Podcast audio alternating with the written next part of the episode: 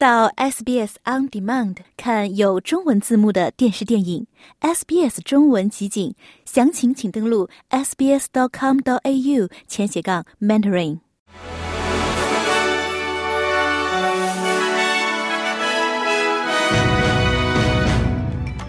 听众朋友您好，我是 SBS 记者刘俊杰，今天是二零二三年九月二十二日星期五。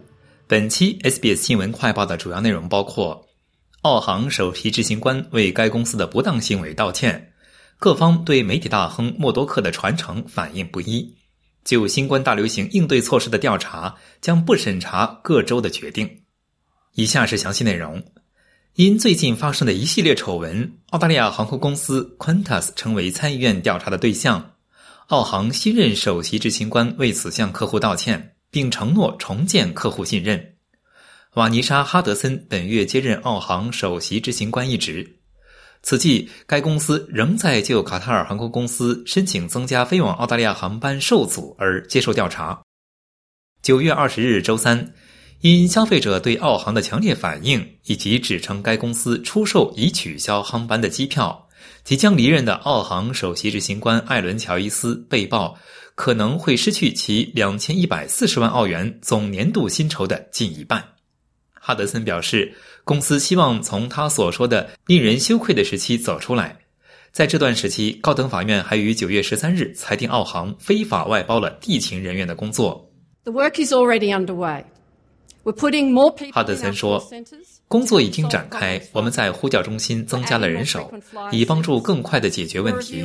我们正在增加更多的飞行常客座位，审查所有的客户政策，以确保其公平性。我们还将给予前线团队更多的灵活性，以便在事情未按计划进行时，更好的为您提供帮助。媒体巨头鲁珀特·默多克宣布从福克斯新闻和新闻集团掌门人的位置上退休。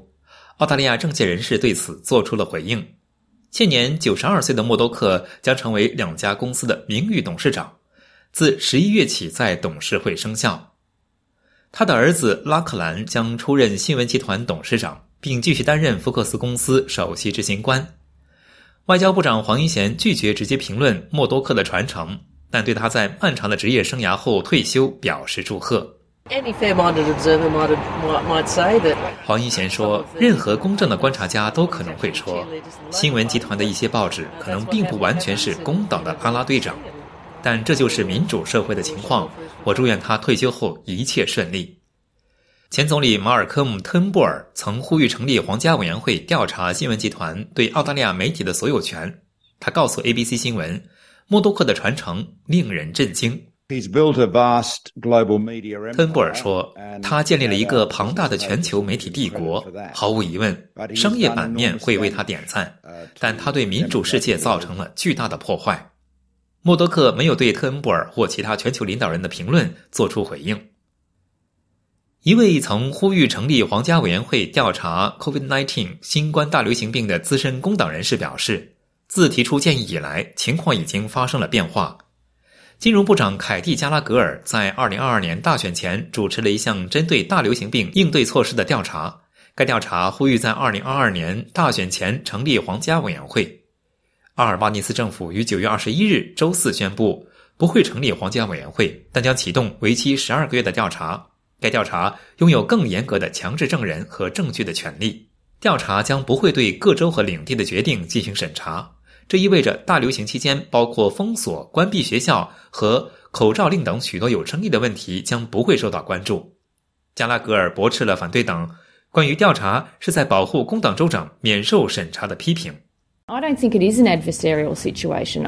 加拉格尔说：“我不认为这是一个不利的情况。我认为每个人都希望从大流行病中吸取教训，因此应该允许审查小组开展工作。他们是独立的。”他们选择如何进行调查是他们自己的事情。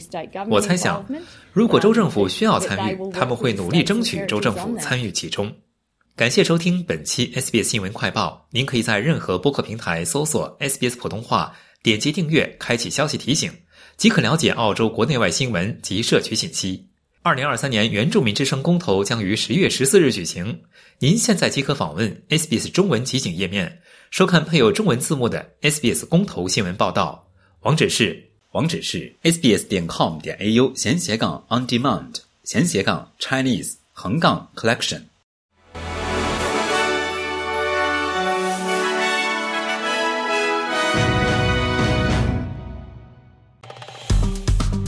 喜欢、分享、评论，欢迎您在 Facebook 上关注 SBS 普通话页面。